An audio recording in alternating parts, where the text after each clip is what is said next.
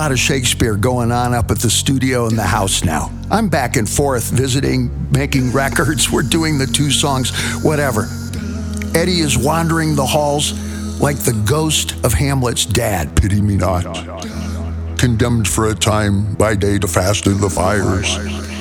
And I kind of know what's going to happen. They've taken away his car keys. He's living in his pajamas, like myself. The weather's getting to me. Whew. I mean, like whether or not I'm going to get out of my pajamas this week. Ed sneaks out. What does he commandeer? Well, the only thing with keys in it is a golf cart. There's a golf cart up there that they use to move the garbage cans around, the gardeners.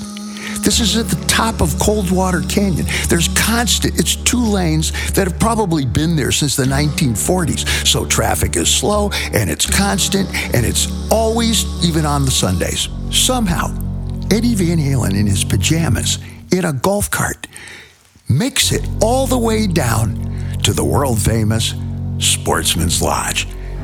They can't find him. This is just when cell phones are just starting, whatever. So they call his phone and they hear in the background, hey, that's a live combo. He must be at the Sportsmen's Lodge. An envoy is sent. He is retrieved, but the die is already cast. The Sportsmen's Lodge. The Sportsmen's Lodge is one of the most famous names, one of the most famous hotels or ensconces in music history, not just rock and roll. This is the hotel down on Ventura Boulevard in Studio City, which is the border between Hollywood, North Hollywood, and later on, I'll tell you where. The Sportsmen's Lodge is where it doesn't matter if you're driving trucks for Barb Streisand or Metallica.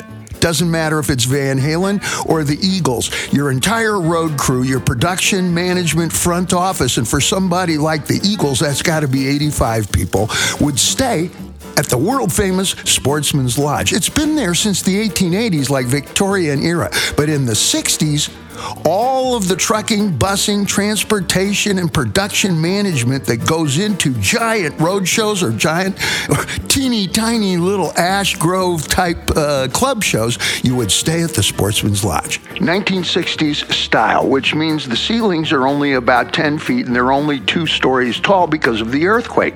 That means people can jump from the balconies on the second floor only right into the world famous Sportsmen's Lodge swimming pool. I'll tell you about the swimming pool in a second. The Sportsmen's Lodge is very familiar with the comings and goings of road crews and teams, and a lot of rock bands stayed there. I stayed there. Sportsmen's Lodge had a combo. Like a one foot high stage with a drummer and a keyboard player and a bass player and Hi, we're uh, Montebello, and we'll be back in a second. it's like lost in translation. What is it? Hi, we're Camarilla. and everybody would jam. Endless names of some of the most famous jazz, blues, rock, even orchestras would stay there. There's a swimming pool in back, way more famous than the Grotto pool at the Playboy Mansion. You could get rooms up there, and people would stay there for weeks on end because if you're doing a residency, and like I remember when Neil Diamond, Solitary Man, 27 nights at the Forum. Well, his entire road crew and everybody stays at the Sportsmen's Lodge. I would go and frequent the Sportsmen's Lodge, not because of the rock bands, and this is where we would go after sessions, after recording, after rehearsal, after the actual shows. And they were very familiar and supportive of late night comings and goings all night, all around for the noise and the clamor and the general foment and hysteria that we signed up for from this depraved circus called Show business.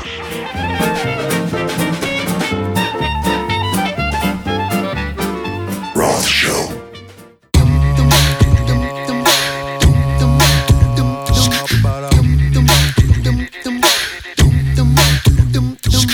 Perhaps most importantly, though, is not when you leave the hotel in your truck, bus, limousine, or whatever.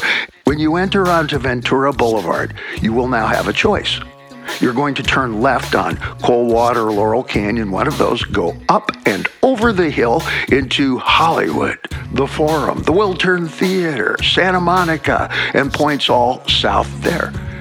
or you're going to turn right and head north up into the world famous, much more fucking famous San Fernando Valley. Why? Porno. San Fernando Valley, North Hollywood, Chatsworth, most famous epicenter for pornography to this very minute in the entire known earth. Why? Because they have huge amount of space, lots of warehouse space. There's a movie making apparatus available, yes. Every movie that you see is supplied cameras, manpower, trucking, busing, lighting, staging in Hollywood. That's 20 minutes from the San Fernando Valley. Lower production costs, but nevertheless, you've got 20 people on site making porno, about 15 minutes from the Sportsmen's Lodge. More importantly, and I learned this the great way porn stars, these girls don't live in Hollywood. Danger, Will Robinson, danger. Also, it's expensive. When they work, they work for a week and then they disappear to somewhere east of Scottsdale, allegedly somewhere north of Phoenix. Allegedly. And when they get on the plane, they fly to Burbank and they drive 15 minutes to The Sportsmen's Lodge. Average porn shoot takes about one week to 10 days, allegedly. Right around the mid 90s and allegedly the early 90s, I'm spending a little time around the Sportsmen's Lodge. And guess who shows up, allegedly, but I just missed him by a day or two? My old friend Ed. We run into each other now and then. I'm up there at the studio. My timelines are all backwards and forwards. I spent some time at the Sportsmen's Lodge. I didn't actually run into Ed, but it's a small community there. Having first discovered the Sportsmen's Lodge in his pajamas the good way, Ed, in classic rock star fashion, remember the motto What is the perfect rock star solution for all emotional drama, trauma, and pain? Go on the road. And you don't have to go far. In fact, the farthest Ed did go was down Coldwater, about a mile and a quarter, to the Sportsmen's Lodge, and he decides he's going to live there. And he does. He closes up his house and moves to the Sportsmen's Lodge. He gets a room up on the second balcony. And the balcony is only like basketball hoop high because it's 1960s decor. So there's one large community there of rock and roll and pornography he falls in with the porno crowd. I mean, a lot of them are good looking. They're very motivated. They're very familiar with Van Halen. Don't tell me you're in the porno industry and you don't know the sound of Eddie's guitar and my stentorian tones. Roth show. Granted, Ed is in a state of emotional disarray and he meets his future wife in the swimming pool. His second wife, Jane, is a publicist in the pornography industry. She's a publicist for porn stars, porn companies as well. She also operates a porn shoot commissary or craft services for porn shoots. This is genius to me. You have 20 people, seven of them are naked. They're there for like three, four days, I guess. They're shooting day and night, extended sessions. I mean, once it's up, you stay up, right? Like a hot air balloon. Screams for comedy. Is it carbohydrates for the crew and protein for. Can a female porn star actually be vegan? I'm going to let that one sink in, no pun intended. Jane operates a minivan. She sets up a table, chairs, paper plates, and, you know, fruits and vegetables. And it's craft services. I don't know what the name of the company was, but I got myself in trouble the first time up at the studio. She was around, and my timelines are bouncing around, whatever. When I quoted Anthony Bourdain, the cuisine, the gourmet food critics, name of a book he wrote. But I transcended that.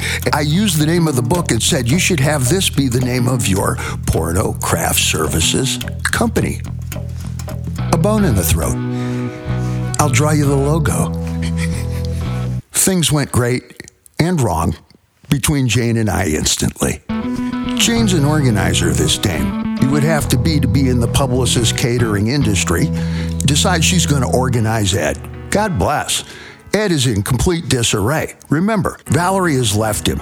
He's used up every piece of linen, every paper product, every dish, tray, plate, fork, knife, and roll of toilet paper that was in his gigantic tomb with a view. I'm broadcasting to you from a tomb with a view. So, what happens when everything is used and there's no more room for you? We move.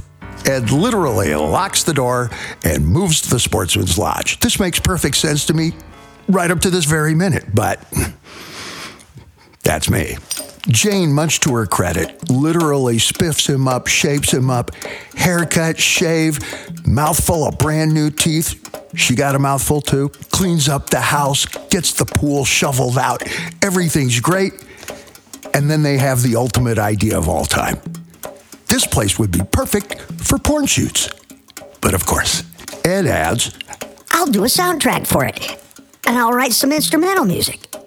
Even better, I'll sit at the piano and I'll play during the porn shoot. Like Duke Ellington live on the side of the stage when Ain't Misbehavin's playing or something. I get this.